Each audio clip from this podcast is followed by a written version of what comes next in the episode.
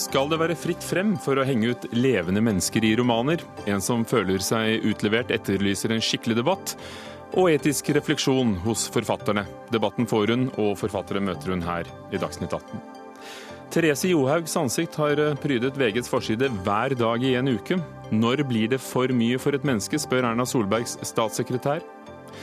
Vi sender 18-åringene ut i krig. Da må de ha lov til å ta seg en dram, sier Frp. Vi trodde partiet hadde skjønt mer etter tre år i regjeringen, svarer Arbeiderpartiet.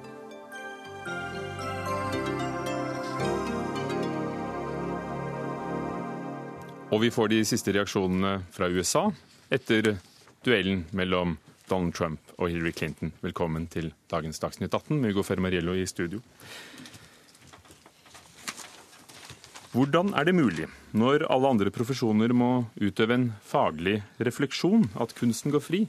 Det spør en som føler seg utlevert i en kritikerrost norsk roman som kom i fjor. Spørsmålet stilles i en kronikk i Aftenposten i dag. Og den som føler seg utlevert, det er deg, Marianne Bang-Hansen. Velkommen. Takk. Hvorfor tar du opp eh, denne saken? Denne saken tar jeg opp nå fordi eh, det gjennom Ingunn Øklands eh, innlegg for noen uker tilbake ble skapt et rom og et klima for å kunne gjøre det. Eh, det er jo ett år siden denne boken jeg har erfaring med, kom ut. Eh, og jeg har eh, alltid tenkt at dersom man føler seg utlevert i en bok, så bør man holde det for seg selv. Ikke si det til noen, fordi da peker du tilbake på deg selv og på en måte bekrefter innholdet i boka. Du får en slags sånn dobbeltbyrde på det da. Når dette kom opp nå, så, så, tenkte jeg at nå er det en mulighet til å kunne ta opp dette her med en annen inngang, som handler om fagetikk og etiske refleksjoner i kunst. For du er psykolog og forsker selv, og vil løfte dette opp på generelt nivå. Men som Aftenposten skriver, og, og som mange vet, så, så handler denne, om, denne, historien om historier fra et ekteskap. Av den erfarne forlagsmannen og forfatteren Geir Gulliksen. Boken kom i fjor. Den eh, ble nominert til priser, fikk god, god kritikk. Hvilken, hva gjorde det med deg? Det er ubehagelig å kjenne seg igjen, og jeg er jo også fullstendig klar over at uh, litterære verker, bøker, romaner er fiksjon. Uh, og jeg er også klar over at man skriver ut fra et sted i seg selv, og, og sånn må det nok være. Men det det gjorde med meg, uh, var at jeg kjente, igjen elementer, jeg kjente igjen trekk ved livet mitt og ved meg selv eh, og ved, med menneskene rundt meg og ved rom og hus jeg har gått omkring i. Og det syns jeg var fryktelig ubehagelig. Det er litt som å bli fanget eller vist fram på en måte, som er veldig, veldig ubehagelig. Men det vet jo ikke andre. Det er mange som vet. Eh, og det handler jo litt om reaksjonene man også får. For det er jo det som gjør det ekstra prekært. Når, jeg blir da kontaktet og folk kjenner seg igjen, kjenner meg igjen. Og noen kjenner jo også seg selv igjen. Altså andre enn meg. Ville det vært mulig for noen andre å skrive så privat og gi det ut som du ser det? Nei, Det kan jo ikke jeg svare på. Det vet jeg ikke. Kanskje. Men for deg som psykolog, f.eks.? Kunne du brukt dine erfaringer på den måten i artikler og nei, prosa? Nei, nei, langt ifra. Nei, selvfølgelig ikke. Nei, Det kunne jeg jo aldri ha gjort. Erik Fossnes Hansen, kjent forfatter. Hvorfor er det da mulig for deg og dine kolleger å øse fra sine egne erfaringer og gi det ut? Ja, du kan så spørre. Det er jo sånn at For det første så gjør Rose deg for at du nå forteller om dette. Det er ganske tøft og modig gjort av deg. Det er ikke ubetinget sånn at, det er, at man er garantert å være beskyttet mot et ubehag eh, hvis man har vært brukt som hva skal vi si, levende modell for en skikkelse i en roman. Men det er nå sånn en gang at det består en kontrakt mellom eh, leser og forfatter. Og den består i at når man skriver på forsiden av en bok at dette er en roman, og man kanskje har endret navn, man har endret en del på omstendigheter og sånn, kanskje svært meget, sånn at nesten ingen kjenner det igjen, eller ganske lite, slik at eh, man kan se at her er det spor av levd virkelighet, så befinner det seg i en fiksjonalisert verden. Det er en forestilling, det er en dokumentarbok. Det er ganske andre metodekrav og ganske andre etiske krav som stilles til f.eks. en terapeut, som Marianne er, eller en forsker, eh, som du vel også har vært, eller er, og eh, det som stilles til en, en roman, en, eller en romanforfatter og en roman. Eh, og sånn må det nesten være hvis vi skal kunne ha en fri kunst. Men før vi går da må vi kunne leve med det ubehaget. Dessverre. Sånn, sånn Erik Fossen Hansen, har du fått møte det ubehaget? Har du eh, blitt eh, konfrontert med reaksjoner fra, fra mennesker eh, som du har latt deg inspirere? Nå skriver jeg jo stort sett på susjetter som ligger ganske langt tilbake i tid, og med ganske andre kulisser enn norsk samtid. Jo, men det går an å flytte Men- ting ikke bare i sted, men også men i tid. Men jeg, skal love deg at jeg også bruker eh, levende modeller. Det gjør jeg. Men stort sett så kjenner ikke de modellene seg igjen fordi at de kjenner seg ikke igjen i bakgrunnen la oss si, med, med et norsk høyfjellshotell i 1982, som boken av året foregår i, eller Titanic i 1912. Men senest bare for eh, et par uker siden så snakket jeg med en mann som hadde gått rundt i sin ungdom og trodd at han var modellen til en av personene i min andre roman. Eh, Men han var nå ikke det. Jeg hadde aldri møtt ham før. Men poenget her med denne gjenkjennelsen er at det virker som om det virker som vi på en måte begynner å ikke forstå hvordan den kontrakten mellom leser og forfatter fungerer. Eh, At vi insisterer på at det skal gjøres rede for virkelighetsgehalten i litteratur. Og at vi insisterer på også, eller mener, at folk har krav på å, være, på å unngå det ubehaget det eventuelt er å være modell. Er det, er det et uberettiget krav? Det jeg ikke forstår, er hvordan spørsmålet, eller dersom det er sånn at man føler seg utlevert, eller at man kjenner seg igjen, så er svaret fiksjon. Det er svaret, ja, men det er jo fiksjon. Skjønner du ikke det? Det er jo en roman, det er jo fiksjon. Eh, Jeg skjønner ikke eh, hvordan man kan møte eh, det at noen kjenner seg igjen i romaner. Jeg er jo ikke den som gjør det. Det er mange som gjør det. Og svaret er ja, men det er jo fiksjon. Det er jo en roman. Det står på utsiden av en roman. Men- men- sånn at eh, Hvorfor kan ikke også kunsten tillate seg å gjøre helt grunnleggende etiske refleksjoner når man skal skrive en bok, i forhold til timing, i forhold til tittel, i forhold til tema. Hvorfor er det helt avvisning? Det forstår ikke jeg. Det er det jeg ikke forstår. Denne debatten har gått om flere titler de Ja, siste den- årene. den har løpt- For ikke å snakke om Karl Ove Knausgårds Min kamp, men Ja, også mange andre. stiller en kan det være kategori, at at- dine kolleger ikke alltid er like flinke som kanskje du er, til Nei, å altså nå har jeg snakket, en, nei, altså nå har jeg snakket en del med forlagsredaktører om akkurat dette, og alle som en sier selvfølgelig at når dette blir et tema, når det dukker opp et manuskript hvor det helt tydelig er trekk fra forfatterens eget levde liv, så er det klart at det kommer motforestillinger fra redaktørstolen til forfatteren. Men til syvende og sist, og nå prøver ikke jeg å si at forfattere er eller skal være, eller kunsten er eller skal være hevet over- over etikk og moral, men til syvende og sist i kunsten så blir det et personlig spørsmål. Det blir et personlig samvittighetsanliggende for den enkelte forfatter. Det lar seg ikke stille opp et sett med etiske kjøreregler, og det lar seg heller ikke lage et utvalg à la PFU. Og grunnen til at det ikke kan være sånn, er at da ville vi ikke lenger ha en fri kunst. Dette er prisen som samfunnet må betale. I, som en del av den offentlige samtale for å ha en fri kunst. Så kommer det juridiske aspektet, og det er, er derfor jeg antar at min sidemann sitter her for å gjøre rede for det. For Men det står jo nemlig enhver fritt å gå til rettslige skritt. advokat, ekspert på ytringsfrihet. Pressen har et eh, faglig utvalg, et PFU, med visse retningslinjer. Er det utenkelig at eh, også skjønnlitterære forfattere eh, skulle hatt noen av de samme kravene over seg, om ikke jussen, så kanskje etisk? Det er utenkelig at man får et etisk råd som skal ta stilling til forfatteretikk. Men det er jo to spørsmål. Jeg tror ikke man kommer noen vei juridisk. Det er såpass vide grenser for ytringsfriheten, og det ser man jo de få tilfellene som er blitt brakt inn for domstolene, de vinner forlag og forfattere, alle sammen. Så Jussen kan man glemme. Så dette er eh, for alle praktiske formål et rent etisk spørsmål. Og da er det jo to, to spørsmål. Det ene er er det en etikk for skjønnlitterære forfattere? Og det er det jo selvfølgelig. Det er jo ikke det eneste området i Norge som er en etikkfri sone. Selv, selvfølgelig kan det stilles etiske krav. Og, og det har man jo gjort opp gjennom årene i forhold til bokutgivelser. Har, karakterisert bøker som uetiske. Så spørsmålet er jo hvor går grensen? Eh, Mener du at norske forfattere trår over denne grensen? Jeg mener at den, ta den mest kjente boken eh, som bygger på levende modell etter krigen, Arna Agna Uh, 'Sangen om røde rubin'. Den mener jeg er uetisk. Den er ikke på noen måte straffbar eller juridisk rettsstridig, men Mykles bruk av levende modell i et lett gjennomsiktig bergensmiljø fra Handelshøyskolen mener jeg er uetisk. Og um, Vi kan ta et annet eksempel. Um, da Eriks og min gode venn Kai Skagen utga en roman som heter 'Himmelen uh, kan vente', vet den vel? Eller 'Himmelen vet, vet ingenting', het den. I 88 så ble han kritisert nord og ned fordi han gikk for tett på en kjent forleggers selvmord. Da var det en voldsom etisk opphisselse.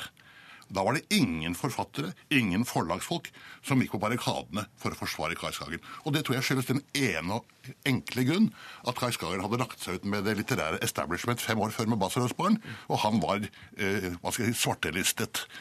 Så det er, det er en dobbeltmoral. Vi er enige om at det er en, for en forfatteretikk. Og av og til får man et etisk eh, gult kort, og ikke rødt kort. Så her er det, her er det, altså, her er det, litt, her er det en dobbeltmoral ute og går. Men man må ha en debatt. Hvor går grensen? Og kan, den grensen går Det er ikke sånn at man kan si roman, og så har man en rød løper som man kan bare rulle over alle lik. Det er mye mer komplisert enn som så. Man må ha et ansvar. Det ansvaret hviler på forlagsredaktøren. Det har gått en debatt nå om det som blir kalt for eh, virkelighetslitteratur. Kulturkommentator her i NRK, Agnes eh, Moxnes. Eh, hvilke forfattere er det som er, havner i denne kategorien? Ja, Det er ganske mange for tiden, det. Altså, jeg husker da jeg var ung journalist og stilte forfattere spørsmålet er dette selvbiografisk, så var det som å banne i kjerka og stille det spørsmålet. Nå flørter forfattere med det selvbiografiske, eh, og, og jeg og, og, og, jeg opplever nok at, at, den kontrakten som Erik Fossnes Hansen snakker om mellom lesere, forfattere og forfattere, er på sett og vis brutt. Fordi at det er veldig uklart i og med disse selvbiografiske trekkene så går en leser inn og leser hva er sant, hva er diktet opp, og så begynner man å lese. F.eks. vil jeg tro at når man nå leser Vigdis Hjorts bok etter den kritikken som har vært, så vil man lese den på en helt annen måte enn man ville gjort hvis den ikke hadde ført til den debatten som er her nå. Men her er det en viktig distinksjon å gjøre, og det er er det forfatterne eller er det media som gjør oss oppmerksom på slike forhold? I tilfellet Hjorts bok så er det tilfellet. Jeg syns jo forfatterne har vært ganske flinke eh, til å ja, altså, De altså, bruker seg selv som hovedpersoner i bøker. Liksom, for det første så er spørsmålet i hvilken grad setter anmelderne og kommentatorene briller på leserens nese eh, i oppfattelsen av kunstverket. For kunstverket kan på en måte Det kan være, det kan være beklagelige sider ved, ved, ved kunstverket, også etisk sett. Men skal det gjelde da de få håndfuller, eller de, kanskje de par hundre som faktisk vil reelt gjenkjenne seg her? Eller skal man gjøre også de andre mange mange tusen oppmerksom på det? Det er tilfellet noe som jeg synes media må ta inn over seg, kommentatorene og anmelderne. Men forfatterne? gjør ikke forfatterne ta det inn over seg? Det andre er at jeg vil også gjøre en distinksjon mellom det du kaller virkelighetslitteratur, for da er vi på en måte på det som handler om knausgård og oppgivelse av folk med rent navn og adresse, og på det som man må si er fiksjonaliserte opplevelser. Men det står roman på de fleste ja, av disse forsidene. Men når det står roman, så betyr betyr det faktisk at du skal lese dette som en roman. Og det er ikke som Cato sier, som å rulle løperen ut for å gå over de mange lik. Fordi det er et, det er et poeng her at hvis du, hvis du, mener at Du sier, Cato, det må finnes noen grenser her. Hvor går grensen? Ja, hvor går grensen? Ja, hvor, hvor og hvem skal bestemme den? Og, hvem skal bestemme den? Og det er debatten som forfatterne viker unna. De går, ikke inn i, de går ikke inn i en realitetsdiskusjon om hvor grensen men, går. Men, har den flyttet seg, den grensen? Eh, den I norsk litteratur? Den tror jeg flytter seg. altså Ytringsfrihetens grenser utvides stadig, og det tror jeg kanskje etikken gjør også, men, men egentlig er det de samme grunnproblemene hele tiden. men, man, kan, man, man, har valgt en sjanger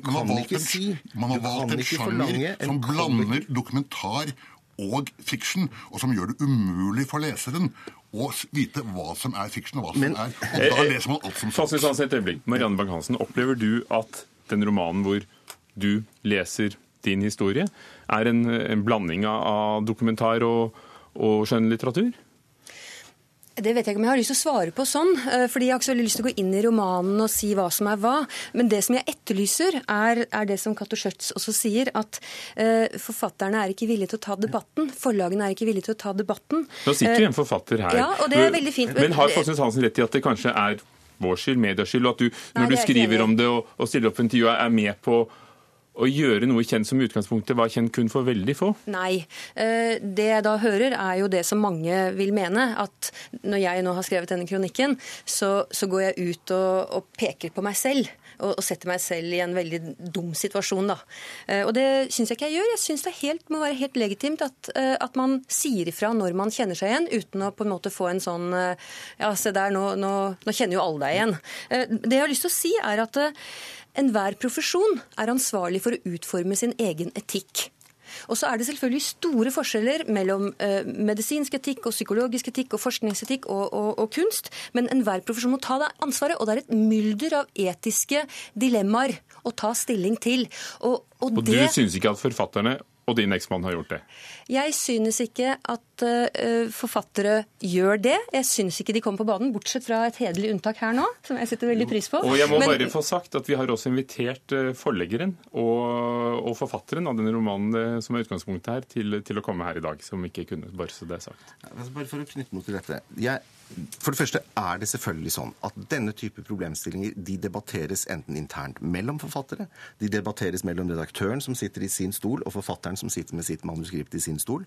Og det er jo ikke sånn at forfattere er helt ubevisst om disse problemstillingene. Tvert om, dette tror jeg man er svært bevisst på. Men til syvende og sist så kan ikke dette være et kollektivt anliggende. Det kan ikke være sånn at forfatterne kommer frem til en felles yrkesetikk og setter opp et slags sett med kjøreregler. For straks det skjedde, så ville nemlig en fornuftig forfatter gjøre med en gang, uvegerlig, ville gjøre alt han eller hun kunne for å bryte de reglene. Fordi kunsten ikke kan eksistere under den type etiske kjøreregler. Det betyr ikke at det ikke er et spørsmål som diskuteres, og det betyr ikke at det ikke er et spørsmål som tas opp mellom, mellom redaktør og forfatter, men det koker ned til det individuelle individuelle etiske ansvar. Synes du noen ganger at forfattere Det er ikke ferdig. Det må, også, det må forfatteren ta selv. Det er faktisk et individuelt ansvar, slik som det da eventuelt blir et individuelt ansvar for den som føler seg rammet, å ta dette videre, eventuelt til en rettslig eh, behandling. Er du ferdig? Være, men man må være forberedt på å bli karakterisert som uetisk. Ja, det må man være forberedt på. Men skal kunsten være etisk? Det er et innmari godt spørsmål. Ikke være uetisk. Det finnes mange måter å ta til motmæle på. Ja, Det finnes jo flere måter å ta til motmæle på, men det er svært få som gjør det. Altså, Marianne Bang-Hansen er en av de få som nå sier hvordan det oppleves å være en hovedperson i en roman. Det var en kvinne i 2003 som fant ut at uh, hun var hovedpersonen i en roman skrevet av hennes manns elskerinne, uh, gitt ut på et etablert forlag, altså Samlaget forlag. Uh, hun prøvde, hun gikk til sak mot forlaget, eh, og, og saken.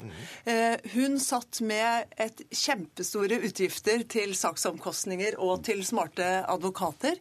Og hun opplevde det forsmedelige i at det sensasjonelle i at hun faktisk gikk til sak, ble brukt som å reklamere for romanen. Men NRKs kulturkommentator må jo være enig i at vi har noen priser vi må betale hvis vi vil ha en fri kunst. Dette er en av de prisene. Vi må iallfall diskutere de prisene, og det debatten, er jo en interessant den, debatt nå. Men, men, Agnes, den debatten leder på en måte ikke frem til noen konklusjon. Annet enn at vi må fastslå at dette er et etisk spørsmål. Det er alvorlig, men det kan bare bedømmes fra tilfelle til tilfelle. Det går ikke an å komme ut med et felles sett med kjøreregler. Det jeg ville spørre om i sted. Hender du Erik Fossnes Hansen, at du synes at uh, noen kolleger har gått over grensen? Jeg kan ikke si at det er noe jeg kjenner til, i hvert fall ikke bøker jeg har lest selv. Men jeg utelukker ikke at det har hendt, eller at det finnes bøker som, hvis jeg hadde lest dem, ville jeg synes at det var å gå over grensen. Handler det om hva folk selv føler seg utsatt for, eller finnes det noen objektive kriterier Kato Schjøtz, for denne diskusjonen du ingen, bør være? Det, det, finnes ingen objektive kriterier. Men poenget er jo at for å ta den boken jeg nevnte, nevnte i stad, så går man jo av og til til voldsomme etiske angrep. Og det er, en, det er altså en, en dobbeltmoral blant forfattere. Det er det er forskjellige etiske normer. Når man misliker budskapet, når man angriper noen i bransjen, da kommer den røde et, eller den etiske pekefingeren. Og da er det ingen som står på de prinsipielle barrikadene som nå Erik Fossås Hansen gjør seg til talsmann for. Så det er en dobbeltmoral blant forfattere her. Jeg lover jeg skal gjøre det neste gang, Cato. Og ja. det andre er at man, forfattere risikerer, særlig hvis de opererer i et sånt nøkkelroman, eh, fiksjonalisert realitetsområde, så risikerer de selvfølgelig å bli hudflettet i avisen. De risikerer å få den type beskyldninger mot seg. Tåle. Ja, det må de tåle, for det er igjen en del av dette helt personlige ansvaret. Men det er ikke juridisk regulerbart, og det er ikke regulerbart gjennom at man kommer frem til et, et slags, en slags yrkesetos her, fordi den ville bli brutt med en gang. Det er det som er realiteten. Og, Marianne det, og Bang-Hansen. lenger fører ikke den debatten. Marianne Bang-Hansen, du tok opp denne debatten i en kronikk i dag. Du har hørt eh, forfatter, kommentator, advokat diskutere. Hva synes du? Ja, det finnes jo ikke noe enkelt svar på dette. Men det, det jeg hører fra, fra standen din når uh, det etterlyses mer debatt, det er ja, men dette er kunst, det går ikke, det er noe annet. Det er det ene svaret. Og det andre er ja, men vi reflekterer. Og så sier du at vi må betale prisen. Og da vet ikke jeg helt hvem du vier deg med, for det er jo enkeltpersoner Ja, som må det- betale ja, prisen. Og det, og det er jo noe helt annet, er det ikke det? Jo, men de, altså, man, altså, man kan tenke seg en dobbelt pris å betale her. At det er en pris for den som eventuelt er blitt brukt som modell, ikke som portrettmodell, men som modell gjenkjennelig. Men det er også en pris naturligvis for den som har gjort dette, som kanskje aldri mer vil kunne snakke med vedkommende. Altså, det, det er, det settes, eh, kunsten står i en rapport med virkeligheten, og det er virkelighetens eh, relasjoner som også settes i spill her. Det er det mest alvorlige, ikke hva publikum rundt omkring måtte mene og tro. Men vi- vi er nødt til å forstå hva, hva det å forholde seg aktivt til etikken betyr. Det betyr ikke et lovverk, som du sier. Det betyr ikke et sett med regler. Etisk refleksjon er ikke et sett med regler. Det handler mer om at man møter et mylder av, av uh, ulike dilemmaer, etiske dilemmaer. Og, og, og alle bør ha en etisk refleksjonsmuskel det- som virker. Det og som vi bruker ofte. lar vi henge i luften der. Takk skal dere ha. Marianne Bang-Hansen, forsker og psykolog. Erik Fossnes Hansen, forfatter. Cato Schjøtz, advokat. Og kulturkommentator Agnes Moxnes. Dagsnytt 18 alle hverdager klokka 18.00 på NRK P2 og NRK2.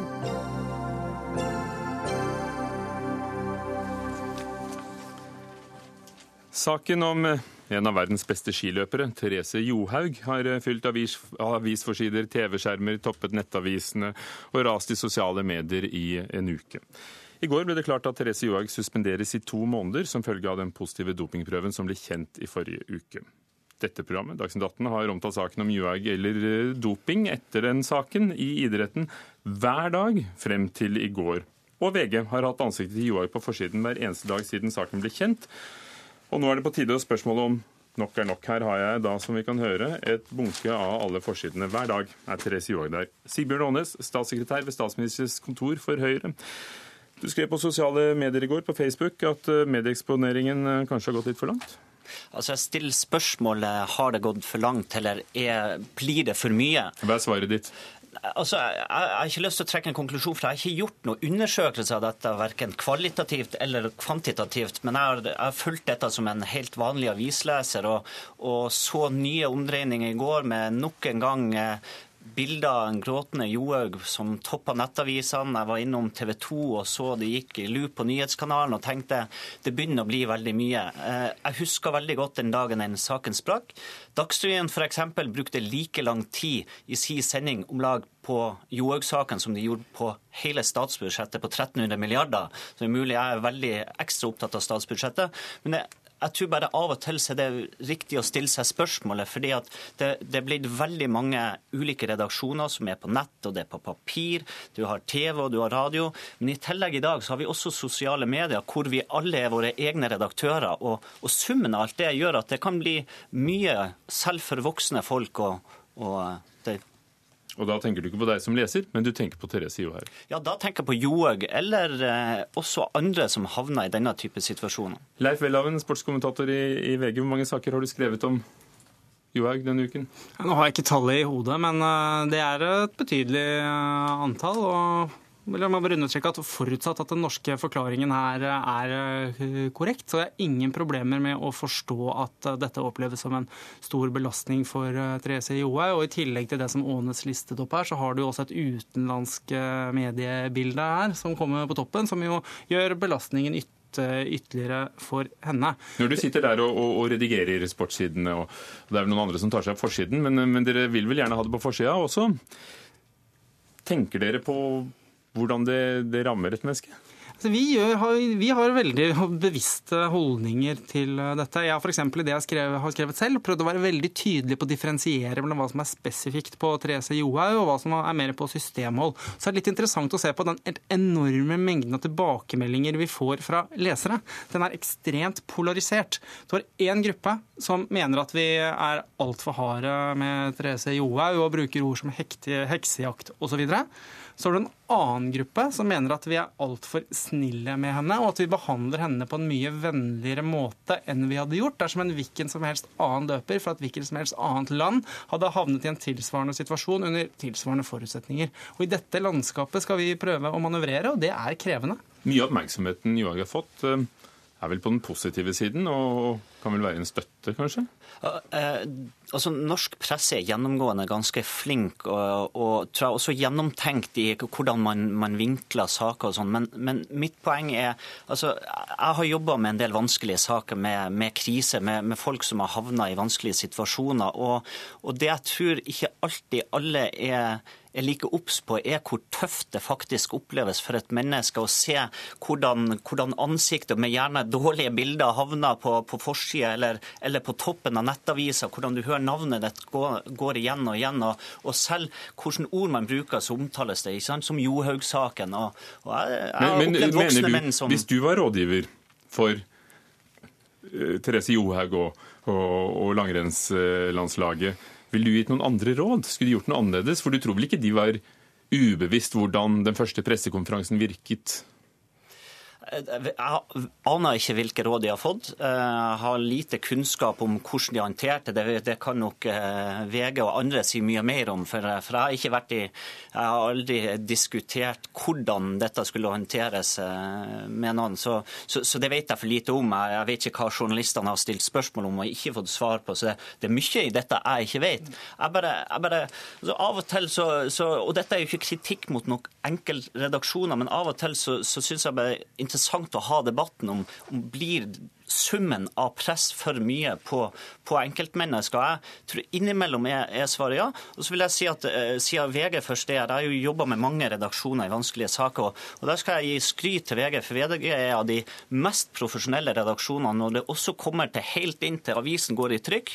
Ha kontakt med, med folk det, det angjelder, og spør hvordan går det, hvordan helsesituasjonen Jeg har opplevd mye positivt med VG og hvordan de tenker etisk i sånne saker. Er det sånn dere gjør? Vi prøver, altså, vi prøver etter beste evne å ta gjennomtenkte valg hele veien. Og jeg syns diskusjonen som Ånes reiser, er interessant. Samtidig så må vi jo være tydelige på at vår overordnede rolle er ikke bare å formidle, den er også å kontrollere og ettergå.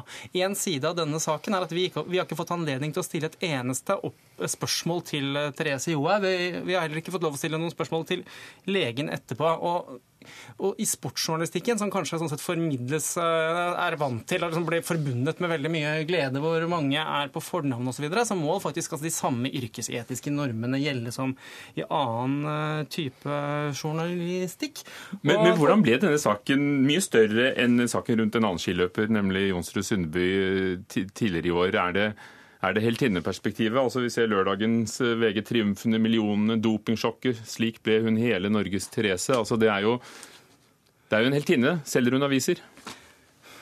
Altså, det er noe spesielt med Therese Johaug, som har altså så mye positiv bagasje. Therese Johaug har, har sånn sett stått for alt, og, alt man forbinder med gleden i, det, i den norske skileiren. Og det blir noe ekstra spesielt sånn Thereses vesen når hun havner i en eh, sånn situasjon. Og det er også selvfølgelig én side av denne saken at uh, Therese Johaug, samme hvor hardt uh, at dette oppleves, og det skjønner jeg at det er vanskelig, så har hun også da nytt godt av de positive sidene ved alt, gjennom alt vel fortjent gjennom alt hun har opplevd over så mange år. Og når du da havner i en situasjon hvor du tester positivt på en en eh, dopingprøve, så er det dessverre altså en påregnelig konsekvens at det vil bli en stor sak. I Norges nasjonalidrett er jo det større enn statsbudsjettet?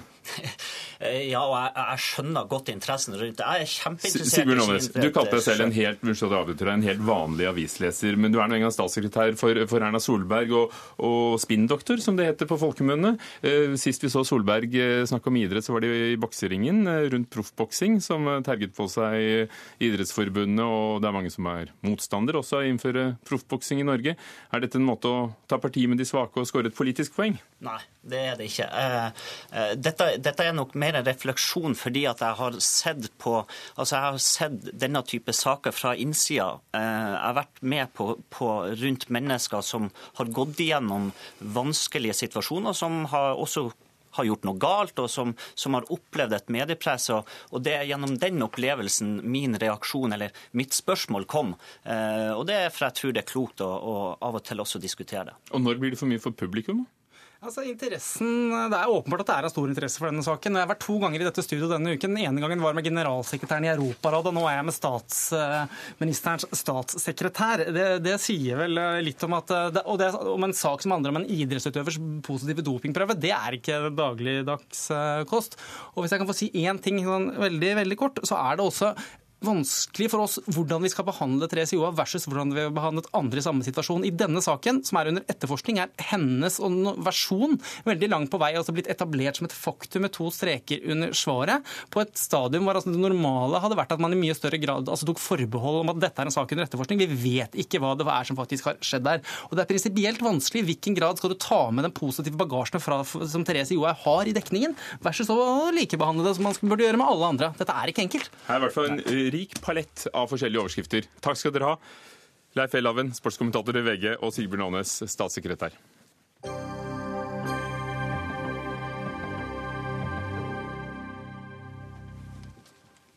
La 18-åringer kjøpe sprit og gjøre alkoholen, alkoholen, billigere og mer tilgjengelig. Slik lyder det i forslaget til Fremskrittspartiets partiprogram. Det skal ut på høring, og VG skrev om det i dag. Partiet foreslår å oppheve Vinmonopolet. Eh, det vil fjerne reguleringen av åpnings- og skjenketider, og vil sette ned avgiften på alkohol og tobakk, slik at den kommer på linje med nabolandene våre for å unngå handelslekkasje og, og, smugling.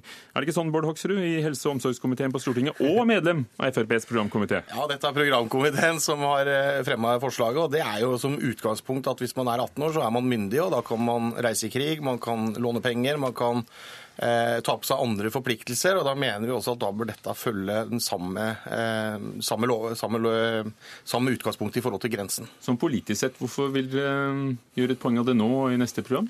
Det er fordi at dette er noe som har ligget i Fremskrittspartiets program lenge. så at liksom, det blir slått voldsomt opp nå at det står i partiprogrammet, det er jo litt rart. Da, for det, har vært eh, en del av politikken vår. Men eh, vi har ikke fått gjort så mye av det de fire siste åra, eller de tre siste åra, fordi vi er enig i samarbeidsavtalen at alkoholpolitikken ligger sånn som det ligger nå. Men utgangspunktet til Fremskrittspartiet er at vi tror på enkeltmennesker. Vi tror at enkeltmenneskene klarer å ta de gode valgene sjøl. Og så skal vi 18 år gamle?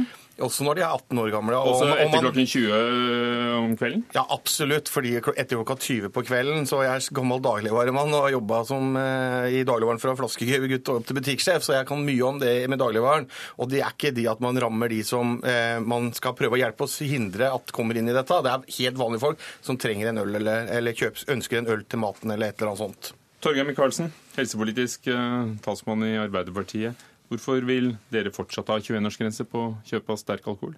20-årsaldersgrense vil jeg ha fordi det er det helt klar, entydig forskning og kunnskapsoppsummeringer både internasjonalt og nasjonalt som slår fast at har stor effekt. på Men hadde du hatt 30-årsgrense, så hadde det også hatt enda større effekt. Synes, altså 18 år, da, nei, det, da kan du gå i krigen, du er myndig, du kjører ja, bil. år har du kunnet ha i mange år. Det er sant. Og det er mange gode eh, enkeltargumenter som taler mot, men jeg syns kanskje ikke vi skal planlegge det sivile samfunnet i fredstid ut fra hva som kan skje i en krigssituasjon. Det synes jeg blir eh, noe søkt. Det finnes andre ting vi også ikke kan gjøre etter myndighetsalder i Norge. Du kan ikke ta eh, lappen på tung motorsykkel f.eks. Det kan jo din regjering gjøre noe med, Bård Hoksrud. Det kan man ikke, det må være 21 år. Eh, men poenget er at det er ikke jeg og andre i Norge som forsvarer norsk alkoholpolitikk, som har stått seg gjennom mange tiår, som har bevisbyrden her. Det er det partiet Frp som nå foreslår å senke aldersgrensen, kraftig øke innførselsmuligheten av alkohol fra utlandet, senke avgiftene og ha skjenking hvis kommunen vil hele døgnet. Det er en, en, kombinasjon som jeg føler er behov for å advare mot, og som jeg trodde etter tre år i regjering at Frp også hadde forstått. Bård Hoksrud, vi har sittet her og snakket om, eh, om viktigheten av at forskning ligger til grunn f.eks. For, for regulering av, av laksenæringen. Eh, her er et stykke forskning når det gjelder alkohol. 400 nordmenn dør årlig som en direkte følge av alkoholinntak.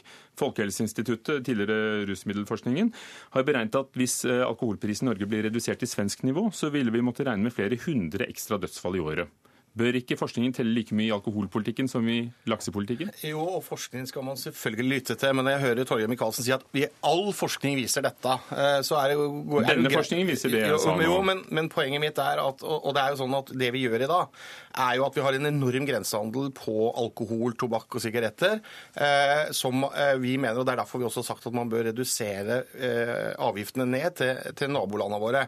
Fordi det er jo ikke det som avgjør om du slutter å kjøpe disse produktene eller ikke. Da, da må man sørge for at folk velger det bort sjøl, og da tror vi det er mye bedre med informasjon og, og kampanjer. Og så må Torgeir Micaelsen få lov å svare på hvor, hva som liksom er forskjell på 18 eller 20 år og akkurat det ene, den ene det med 18 eller 20 år, så du liker, du liker jo svenske tilstander. For i Sverige må man være 20 år for å gå på Systembolaget. Skulle vi hatt 20-årsgrense her òg? Nei, jeg, jeg mener ikke at man skulle hatt 20-årsgrense. Jeg mener at det er fornuftig å ha myndighetsalder, fordi det er alle de andre tinga man også da får når man blir myndig. Så det er ikke alt du vil kopiere fra Sverige? Nei, det er definitivt ikke alt jeg vil kopiere fra Sverige. Sverige gjør mye bra, men de gjør også en del ting som ikke vi liker, selvfølgelig. Eh, Men, men dette handler jo ikke om hva Sverige gjør eller ikke hva Sverige gjør. Det handler om eh, hvilken tillit man har til enkeltmennesker. Og da er jo med utgangspunktet til Torgeir Micaelsen, så har han mistenkeligheten, og han tror ikke på enkeltmennesker, mens det har jeg som utgangspunkt. at Tror du ikke på mennesket? Jo, jo, jo, absolutt. Eh, Og selv om jeg er glad i både god rødvin og drikker øl og har, synes det er helt utmerket, så er det forskjellen på da Arbeiderpartiet og andre partier i Norge at vi har ikke et anstrengt forhold til kunnskap som Frp her viser. Altså, Det er nesten noe sånn som amerikanerne kaller at det er ulike presidentkandidater som har sånne parallelle virkeligheter, vil ikke forholde seg til den virkeligheten som alle vi andre eh, opererer i. Er det, mindre det bare sånn er det mindre farlig med tilgjengelighet for alkohol og tobakk hvis du lander en sen kveldstime på en flyplass, enn hvis du er midt i byen? Eh, For da tenker- har jo ikke dere gått imot uh, avisvis salg av alkohol på, Nei, men vi, på har for, men vi har foreslått å innskrenke det, og jeg har foreslått å problematisere taxfree-ordningen mange ganger til store protester også fra Fremskrittspartiet. Men jeg sier ikke at det er svart-hvitt. Jeg bare sier at forskningen er så entydig på dette. at du skal ha veldig gode grunner for å eh, belegge i hvert fall en påstand som Hoksrud da gjør, om at kommunene skal få lov til å skjenke når som helst på døgnet. Du skal ha 18-årsgrense på spritsalg i Norge, eh, og du skal ha eh, nye avgiftskutt da, på alkoholavgifter ned til svensk nivå, som vil koste flere milliarder kroner. Det er uansvarlig politikk, og det bør Det norske skjønt. politikere advare mot. Et, et, og det gjør du. Et, et, et øyeblikk, Hoksrud, for du får si det du ville si. Um, Vinmonopolet vil dere oppheve.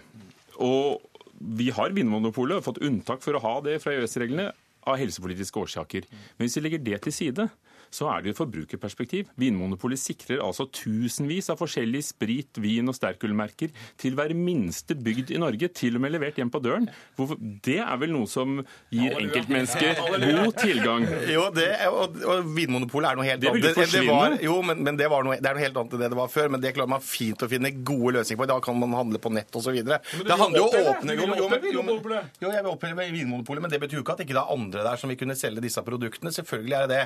Men når Torgeir Micaelsen liksom så bastant slår fast alt forskning, alt viser sånn og sånn hvis man utvider skjenketider altså Resultatet i min hjemkommune var at der gjorde vi det eh, Torgeir Micaelsen ønsker. Med hans politiske flertall så valgte man å redusere åpningstidene på skjenkestedene. Jo, men, men resultatet, resultatet var faktisk at det ble ikke, ble ikke mindre, men det ble mer kriminalitet. Og det er det stikk motsatte av den såkalte forskninga.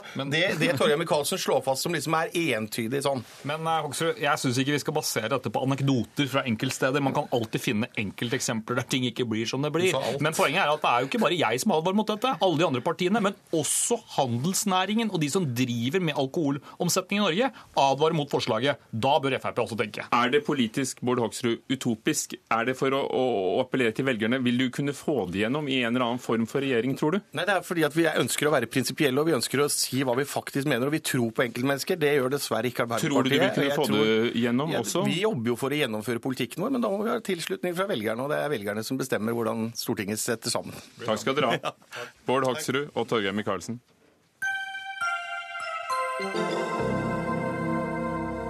I will look at it at the time. Are you saying you're not prepared now to What commit I'm to that saying principle? is that I will tell you at the time. I'll keep you in suspense. You know, every time Donald thinks things are not going in his direction, he claims whatever it is is rigged against him. There was even a time when he didn't get an Emmy for his TV program, and he started tweeting that the Emmys were rigged against Should have gotten it. Det var til og med en gang, eh, sa Hillary Clinton, at Trump ikke ville godta avgjørelsene da han ikke fikk en Emmy-pris for TV-programmet sitt, og Trump sa altså i nattens presidentdebatt i USA at han ville se når det kom, om han skulle godta valgresultatet. Nå har USA så vidt våknet til live igjen etter den tredje og aller siste duellen mellom presidentkandidatene. Igjen er det republikanernes kandidat Donald Trump som får mest oppmerksomhet. Påstandene hans om valgjuks og forbehold om å anerkjenne valgnederlaget, det, det, har vakt oppsikt. Og korrespondent eh, Gro Holm på plass i Las Vegas. Hva sier folk og kommentatorer etter hvert som de har fått sukk for seg? Ja, De fleste er veldig negative overfor den delen av Trumps opptreden. Eh, The New York Post, som jo er en republikanskledende avis, skriver at Trump ga eh, Clinton valgseieren med den kommentaren. The Wall Street Journal skriver at han er sin egen verste fiende. Hans ego kom i veien. Eh, flere kommentatorer, Fox News, Charles Krauthammer, skriver at Eh, dette var en forferdelig uttalelse. Eh, The New York Times sier at de håper at dette er den siste gangen hvor Trump får opptre eh, for å vise fram at han er uegnet som USAs neste president. Så mediene og mediekommentatorer er nesten entydig negative til den uttalelsen, og mener at han stiller jo faktisk spørsmål ved USAs grunnleggende demokratiske spilleregler. Men han har jo noen støttespillere, Donald Trump. Får han noen støtte fra dem? Hallo? Gro, kan du høre meg? For jeg spør nemlig om han får noen støtte overhodet fra de mest trofaste av, av sekundantene sine?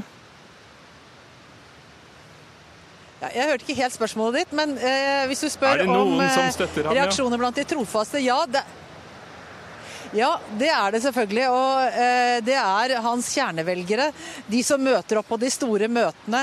De kommer helt sikkert til å støtte han nå til å heie på eh, at han nå nok en gang har utfordret systemet.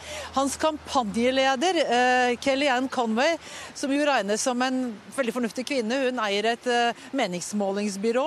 Hun, hun prøver å ro dette i land ved å vise til at også valget i 2000 var omstridt av Al Gore og George W. Bush eh, jo strides om Florida, hvor, de måtte, hvor, det var snakk om man skulle telle på nytt igjen, og hele saken endte i Høyesterett.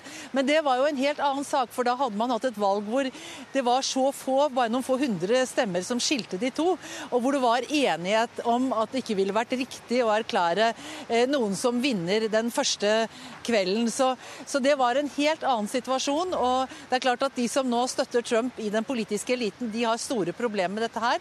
Ikke minst også fordi at eh, det, valgsystemet i eh, USA drives av delstatene, og det er altså et flertall av delstatene som har republikanske politikere eller, eller eh, administratorer som, som leder disse prosessene med selve valgsystemet. Så er det jo et famøst utsagn fra nattens debatt, nemlig 'nasty woman', ondsinnet, ekkel kvinne, som Trump brukte som karakteristikk av Hillary Clinton. Dette har jo blitt et, et, et, slags slagord for mange på sosiale medier som har gjort det til sitt. Og, og Hvordan kan demokratene utnytte dette her 'nasty woman'? Ja, akkurat som de utnytter det nå. Og, og det helt spontant, ikke organisert. Altså Kvinner står fram og sier at 'jeg er også en nasty woman'. Uh, at, at, Trump bruker dette nettopp om sterke, taleføre kvinner som utgjør en trussel. Så dette tror jeg nok demokratene vil klare å snu til sin fordel. Og sett Eh, fra Trumps side så er det jo da bekymringsfullt at nok en gang så har man fått et utsagn som, som vil skremme eller eh, ja, skremme hvite kvinner fra å stemme på han, og det er en gruppe han vil trenge. Hillary Clinton har et forsprang på 20% i den gruppen, mens det er en gruppe som tradisjonelt har vært vunnet av republikanerne, eh, sist av Mitt Romney i kampen mot Barack Obama i 2012. Så det Nattens uttalelser Eh, det gjør det ikke enklere for Trump å nå eh, det antall eh, valgmannsdelegater som han faktisk trenger. Det er nå temmelig usannsynlig at han kan vinne valget i det hele tatt. Takk skal du ha, Gro Holm i Las Vegas. Ratten Elisabeth Kamsvåg. Du satt våken, så på debatten i natt. Laget han ris til legen bak da han kalte Hillary nasty woman? Eh, ja, delvis så gjorde han jo det, men det var jo ikke bare akkurat det utsagnet som eh, var i stegen bak. Eh, blant annet det her som ble snakka mye om, at han allerede har nesten tapt fordi at han, han, snakker som en taper ved at han lager unnskyldninger for, for valgresultatet allerede nå. Kjell Terje Ringdal, førstelektor ved Høgskolen Kristiania og en kløpper på retorikk og kommunikasjon. Det er ganske fascinerende med en som kommer med så mye tilsynelatende spontane uh, utsagn. Hvor planlagt tror du det er? Nei, det er nok dessverre, dessverre, ikke planlagt. Eh, jeg tror at de sitter og vrenger seg på, på bakrommet hos rådgiverne hans. Jeg tror han Eh, dessverre i større og større grad bare blir et offer for seg selv og sine egne ganske gufne reflekser. Eh, og at eh, dette er det man har sagt tidligere om, om Trump, at han er thin-skinned. At han har dårlig temperament, han har problemer med sterke kvinner. Han har altså karakter, grunnleggende karakterproblem når det gjelder da kombinasjonen av kvinner og sterk. Sånn at det, man, det vi tidligere har snakket om, er jo at det er jo interessant da at 30 til 40 40, kanskje 45% av det amerikanske folket fortsatt har vurdert å stemme på Trump, eh, så kan vi nok nå se at det, det grunnfjellet det smelter. Det blir mindre og mindre, færre og færre, og at eh, det Donald Trump har gjort, er altså en slags menneskeskapt politisk eh, klimakrise for seg selv, og at han kommer til å tape så det dundrer. Så spørsmålet er hva skjer de neste fire årene? Det er jo ganske interessant å se på. Da er vi inne i selve politikken. Ratten Elisabeth Kamsvåg, nå, nå har vi ikke invitert verken Trump eller Clinton. Det burde vi kanskje gjort for å gå inn i politikken. Men, men finner du noe øh, Finner du noe bra han gjorde, i, i, sett med retorikerens øyne, i kveld, Ratna? Han øh, Altså, hvis man sammenligner med de to første debattene som han eh, deltok i, så framstår han mer forberedt. Og i starten av sendinga så virker han eh, ja, Ut ifra eh, Trump da, så virker han til og med litt forberedt og, og beherska. Men så er det jo sånn at uh, han, han, er ikke i stand til å holde den konsentrasjonen så særlig lenge, virker det som. Og så uh, tar uh, følelseslivet hans overhånd, og han han går liksom for egen maskin og tar eh, avstand egentlig fra det han har forberedt på, virker det som da. Mm. Ringdal? Å, å, bryte inn, fordi Det interessante med Donald Trump er at han har et, eh, et språk som, som, er assosiativt. Det høres ut som om han eh, kommer på ting underveis, og at det er altså kort vei fra, fra hodet og ut av munnen. Og når han nær sagt hører seg selv si noe som kan være sånn innenfor noenlunde akseptabelt, så har det en tendens til å bli gjentatt. Sånn at han har en veldig repeterende stil, altså det som også blir kalt for en low educated, altså lavutdanningsstil. At man gjentar sine egne eh, poenger. Hva, hva med Hillary, da? Hun har vel fått kritikk eh, for å mangle appell ja, nettopp ja, fordi hun er litt for kald? Det er helt riktig. Sånn at hun, hun har et, en annen type problem. altså Hun er den mer tradisjonelle, altså språklig sett, politikeren. Som er glatt, og det flyter ut, og det er velresonnert og flytende. Men som mangler en varme og en appell. Sånn at, og det er jo henne hennes eh, problem. Mens Trump er nok eh, jeg vil si, altså historisk dårlig eh, språklig. Og nå snakker vi altså om, om språk og talemåter her. Ratten Elisabeth Kansvåg, du er opptatt av debattlederen som politisk aktør, noe du skrev om i Aftenposten i går. Hun har studert nå norske debattledere innenfor politikk. Men hvor viktig har programlederne i disse tre debattene vært? Eh, For å sette tonen og få noe ut av dem? Eh, debattlederen er alltid viktig. og så Samtidig er det sånn at jo bedre jobb en debattleder gjør, jo eh, mindre synlig skal den egentlig være. Men samtidig, i, i går så hadde jo, før debatten, så hadde Chris Wallace uttalt at han ikke akta faktasjekke utsagnene til debattantene underveis, at det fikk være opp til hver debattant å motsi hverandre. Så han har jo tidligere tidligere i andre debatter har han hatt mer konfronterende stil enn det han hadde i går. Eh, men, men, men, det, men det, er egentlig på mer detaljnivå det er interessant å se på debattlederen, fordi det er ordvalg som blir tatt, og eh, formuleringer osv. Vi kan høre på ham. Chris Wallace, eh, første gangen noen fra Fox News ledet en presidentduell. Good evening from the Thomas and Mack Center at the University of Nevada, Las Vegas. I'm Chris Wallace of Fox News. And I welcome you to the third and final of the 2016 presidential debates between Secretary of State Hillary Clinton and Donald J. Trump. Hvordan var han i forhold eh, til de andre? Eh, han var mer eh, frampå og tok mer styring over debatten enn de andre. Eh, samtidig så hadde jo eh, den andre debatten med Anders Cuson Coopers f.eks. fra CNN, han var jo Eh, han, han, de jobba mer med faktasjekk underveis, så sånn sett kunne virke mer pågående. Men fordi han, eh, Chris Wallace har den innledende etos med å være såpass pågående som han er, så, så framstår det likevel mer som han prøver å ta kontroll over debatten. og Du merker underveis at han henvendte seg bl.a. til publikum òg, for å prøve å eh, roe dem flere ganger. Ringdal, du er jo med å arrangere dette Washington-seminaret, og, og det er litt spesielt det, hvordan det velges ut hvem som står for disse kandidatduellene? Ja, eh, jeg tror Ratna har helt rett i at eh, hvem, hvem, som er eh, debattleder er viktig. Og at jeg vil, jeg vil, også tro, jeg vet litt for lite om utvelgelsen, men jeg vil tro at Ratna har helt rett i at når Fox News, programlederen i dag, var flink, så tror jeg det også handler litt om hvordan Fox News har tenkt på forhånd. Nemlig, mange vil jo da tro at Fox ville være veldig pro Donald Trump, men det tror jeg ikke Fox News har noe interesse av å bli beskyldt for. Fordi de er på den republikanske siden rett ut? For de heier på republikanerne nesten uansett, men eh, de har nok nå truffet den grensen for eh, hvor langt det er mulig å heie på en republikansk kandidat. Så Sånn sett så fikk vi også den ironiske, paradoksale effekten at, eh, at Fox News-programlederen, debattlederen, ble den beste av de tre. Kamsvåg, du, du, har tilbrakt vårsemesteret ved Columbia-universitetet i New York sammen med forskere som ser på amerikansk politikk og retorikk. Har de et annet syn på, på Donald Trump og presidentvalgkampen enn det du hadde da du dro dit? Eh, da jeg dro dit, så, så, vil jeg si at det var en ganske stor kontrast mellom min eh, oppfatning fra, som jeg hadde her fra avstand, eh, og, og, da jeg kom dit.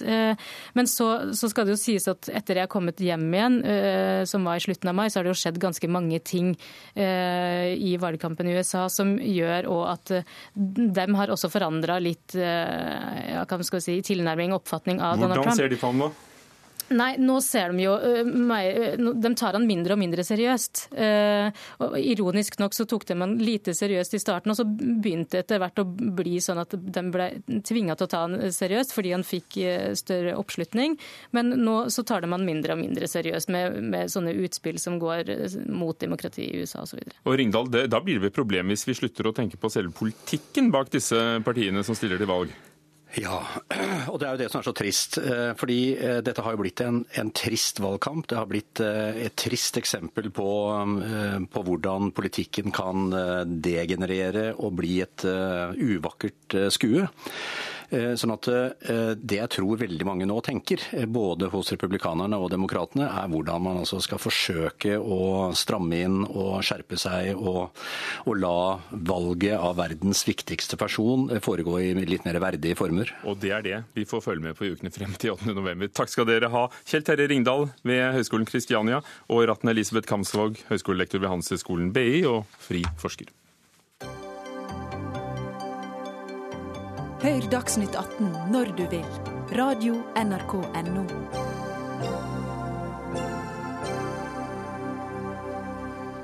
Oslo skal bli bilfritt. Det sto det i byrådserklæringen til Arbeiderpartiet, Miljøpartiet De Grønne og Sosialistisk Venstreparti, og det skulle skje innen 2019. Nå sier partiene at det skal være minst mulig privatbiler, så vi i Aftenposten i dag. Hanna Markussen, byråd for byutvikling i Oslo kommune. Hvilke assosiasjoner får du til ordet bilfritt? Eh, assosiasjonene jeg får til Bilfritt byliv, eh, prosjektet vårt, er at det handler om å planlegge byen på menneskets premisser i stedet for bilers premisser. Så hvis jeg sier bilfritt, hva, hva ser du for deg da? Da ser jeg for meg eh, gater hvor eh, det primært er fotgjengere, syklister, som er prioritert, og hvor kollektivtransporten er prioritert. Og så vil det selvfølgelig være noen former for transport som man trenger, som f.eks. varetransport, folk med funksjonsnedsettelse må komme seg frem. Men med Bilfritt så ser jeg for meg et byliv som er basert på fotgjengere, og et veldig levende byliv. Har dere justert litt på innholdet i begrepet bilfritt etter at dere kom til makten i hovedstaden? Det har vi egentlig ikke. Eh, vi har lagt dette i det hele veien. Eh, og vi har gjort det vi har sagt vi skal gjøre i byrådserklæringen. Så sier vi at Bilfritt byliv handler om å skape en mer levende by. Skape en by som er tilrettelagt bedre eh, for myke trafikanter. Og at i hvordan vi skal gjennomføre dette, så vil vi gå i dialog med bl.a. næringsliv og med gårdeiere og med andre aktører for å finne ut hvordan det skal gjennomføres. Alle de som blir redd hver gang dere sier gågater og fjerne Ja. Absolutt. Og de har vi vært i dialog med. Øystein Sundelin, nestleder i Oslo Høyre. Hva har de gjort med ordet bilfritt, som du ser det? Nei, jeg var vel kanskje blant de som da så for meg eh, at bilfritt betød fritt for biler, eh, da vi diskuterte etter valgkampen eh, i fjor. Så, men nå skal det jo sies at jeg stemte jo ikke på Miljøpartiet, så jeg føler meg jo ikke snytt på noe som helst vis. Derimot så føler jeg meg ganske komfortabel med det de nå legger frem, nemlig at byen skal fremdeles være åpen og levende. Dvs. Si at det skal være mulig å komme dit med både varetransport, nyttekjøretøy, flyttelass, taxier, funksjonshemmede skal kunne parkere, parkeringshusene skal kunne brukes, danskebåten skal kunne brukes. Så egentlig ikke så veldig forskjellig fra hvordan dere jobbet for, for, for å få sentrum da dere satt i byråd, mener du? Nei, og så tror jeg er, alle kan være enige om og med på at vi kan få til en eh, ren gågate eller to til også, der hvor det er handel og mennesker eh, nok til å få på plass eh, det.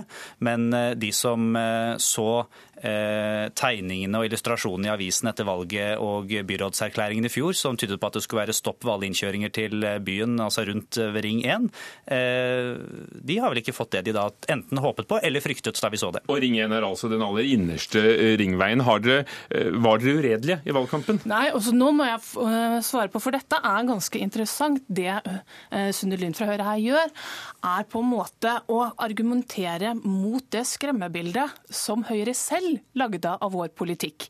Vi har aldri sagt at uh, vi skal sette opp f.eks. noe som kom fra Høyre, en Berlinmur rundt Oslo sentrum.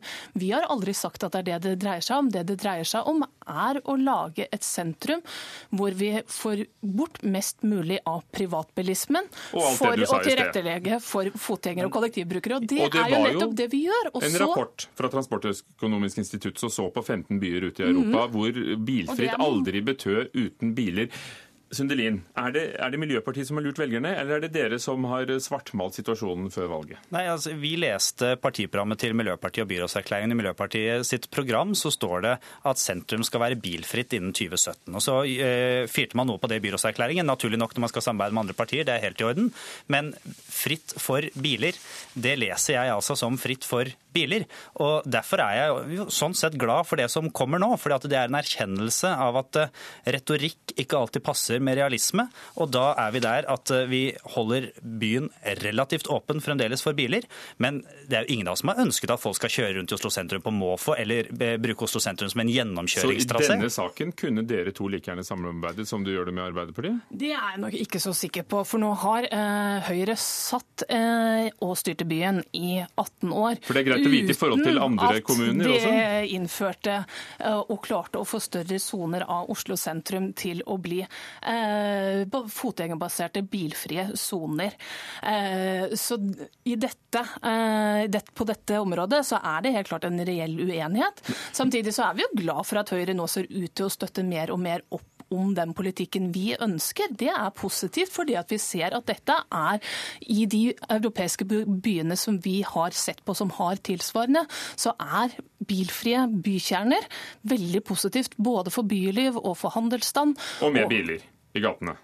Noe transport vil det alltid være, men det ligger i selve begrepet bilfritt. Men når du ser Sundelin, kartet Aftenposten presenterte i dag med diverse skraveringer, ser du et annet kart enn det de sa?